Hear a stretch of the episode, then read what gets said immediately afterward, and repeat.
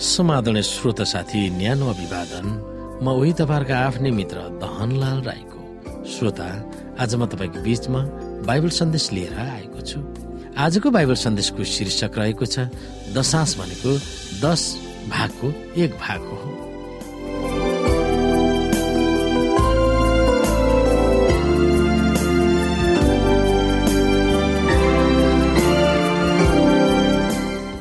श्रोता साथी यो दशांश भनेको दस भागको एक भाग हो भन्ने बाइबल सन्देश र यसको शब्दकोशको अनुसार दशांश केही कुराको दसौँ भाग वा दस प्रतिशत हो। यो परिभाषा बाइबलमा वर्णन गरेको अनुसार लिएको पनि हुनुपर्दछ। दशांश भनेको हाम्रो आय अर्जनको दसौँ भाग वा हामीमा बढेको सम्पत्तिको दस भागको एक भाग परमेश्वरलाई चढाउनु हो। हामीसँग भएका यावत थोकहरू पहिला त उहाँकै हो भनेर हामी बुझ्दछौँ। सिनै पहाडमा दिएको दशांशको विधिले दशांश पवित्र र परमेश्वरको हो भनेर देखाएको थियो। हामीले यहाँ लेबी सत्ताइस अध्यायको तिस र बत्तीसमा हेर्न सक्छौँ। परमेश्वरले केवल उहाँको दशांश शत प्रतिशत माग्नु भएको छ। प्रभुप्रति आधारित भएर दिने भेटीहरू फरक छन्। यो दशांशको थप हो। हामी यसुका भक्त हौ र बत्तिसमाको बेलामा खाएको शपथलाई कायम राखेका छौँ भनेर प्रतिबद्धता जनाउने सानो भाग नै दशांश हो। दसको एक भाग भन्दा कम हो भनेर परमेश्वरले बाइबलमा कतै लेखिएको छैन। कतिपय इसाईहरूले पुरानो करारप्रति पूर्वाग्रह राखी दशांश समेत परमेश्वरका कतिपय आदेश तथा नीतिहरू केवल यहुदीहरूलाई मात्र हो त्यो पनि सिनै पहाडमा मुसाले दिएको बेलादेखि नै हो भनेर सिकाउँदछन्। तर इसाई अगुवा पास्टरहरूले आफ्नो विश्वासीहरूलाई दशांश दिनुपर्छ भनेर त सिकाउँछ नै। दशांशको मामिलामा त्यो भन्दा अघि नै जारी थियो भनेर हामी विभिन्न बाइबलका पदहरू हेर्न सक्छौँ। र पदहरूले हामीलाई देखाउँदछ।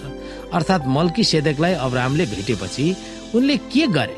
हामी त्यहाँ पनि हेर्न सक्छौँ। अनि सालेम अर्थात् एरिसेलेमका राजा मल्की सेदेक रोटी र दाखरस लिएर अब्राहमका आएको कुरा हामीले हेर्यौँ उनी सर्वोच्च परमेश्वरका पुजारी थिए। उनले अब्राहमलाई यसो भनेर आशीर्वाद दिए।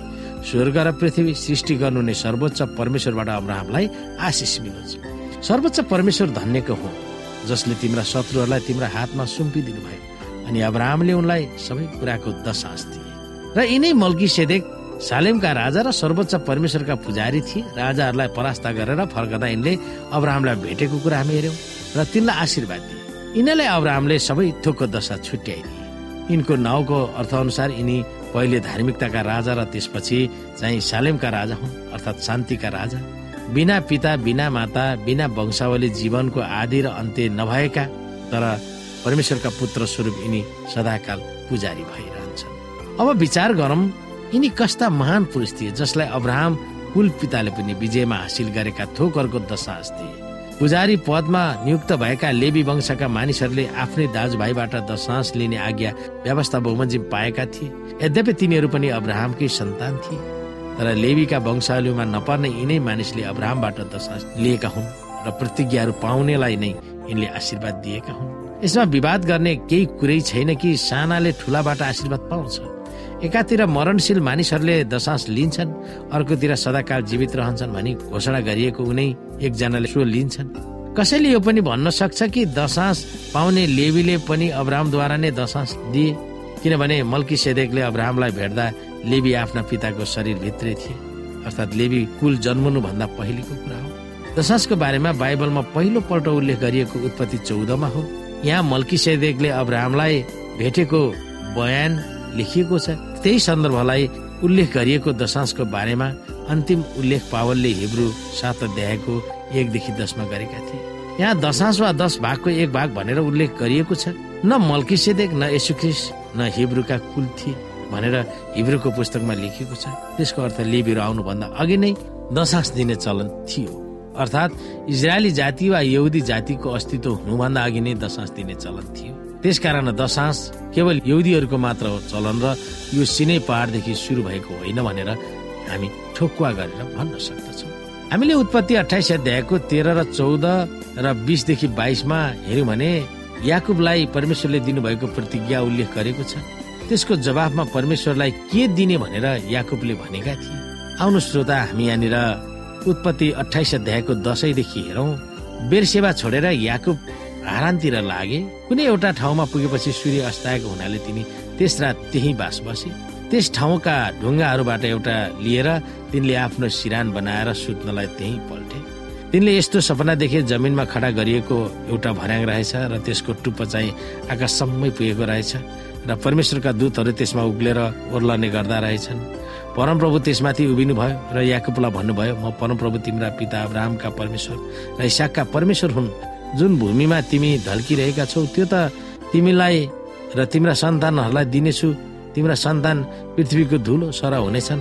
पूर्व पश्चिम उत्तर र दक्षिण फैलिएर तिमी जानेछौ।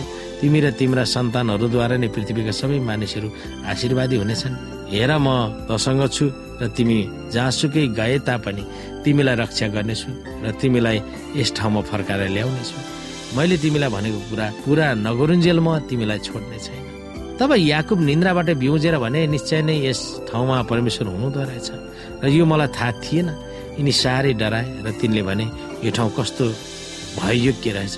यो त परमेश्वरको घर बाहेक अरू केही होइन रहेछ। यो त स्वर्गको ढोका पो रहेछ। याकुब बिहान सबैले उठे र याकुबले सिरान बनाएको ढुङ्गा लिएर खामो जस्तै गरी खडा गरेर त्यसको टुप्पोमा तेल खनाए तिनले त्यस ठाउँको नाउँ बेथेल राखे। पहिले त्यस ठाउँको नाउँ लुज थियो। तब याकुबले यसो भनेर भाकल गरे यदि परमेश्वर मेरो साथमा रहनुभयो भने यात्रामा मलाई रक्षा गर्नुभयो। मलाई खानालाई रोटी र लाउनलाई वस्त्र पनि दिनुभयो। अनि म सकुशल फेरि मेरा बाबुको घरमा आउन पाएँ भने परमप्रभु नै मेरो परमेश्वर हुनुहुने रहेछ। र मैले खामो बनाएको यो ढुङ्गा चाहिँ परमेश्वरको घर हुनेछ। र तपाईँले मलाई दिनुभएको जति सबै कुरो दशास म तपाईँलाई अवश्य चढाउनेछु भनेर भनेको छ। श्रोत साथी आफ्नो दाजुको डरदेखि याकुब घरबाट भागेका थिए। रिसले चुर भएको हिसाबले उनलाई मार्न निर्णय गरेको थियो। यसको फलस्वरूप याकुब आफ्नो घरबाट मामा घरमा सयौँ किलोमिटर भाग्दै थिए। एक रात उनी ढुङ्गाको सिरानी राखेर सुतिरहेको बेलामा उनले दर्शन देखेको कुरा त्यो दर्शनमा एउटा लामो भर्याङ पृथ्वीदेखि स्वर्गसम्म पुगेको उनले देखेको कुरा पनि हामीले हेऱ्यौँ। र भर्याङबाट स्वर्गदूतहरू तलमाथि गर्दै गरेको कुराहरू हामीले हेऱ्यौँ। यी कुराहरूद्वारा पनि हाम्रो दशांशको विषयमा हामी बुझ्न सक्छौँ। साबत जस्तै दशांश पनि पौराणिक इजरायलीदेखि सुरु भएको होइन न त यहुदी धार्मिक विधि नै थियो। यो भन्ने सत्यतालाई हामीले बुझ्नु जरुरी छ। यो क्रुसपछि रहेका हामीहरूको निम्ति त्यो सत्यबाट के सन्देश हामीले सिक्नुपर्छ? त्यो हामी सोच्न सक्दछौँ।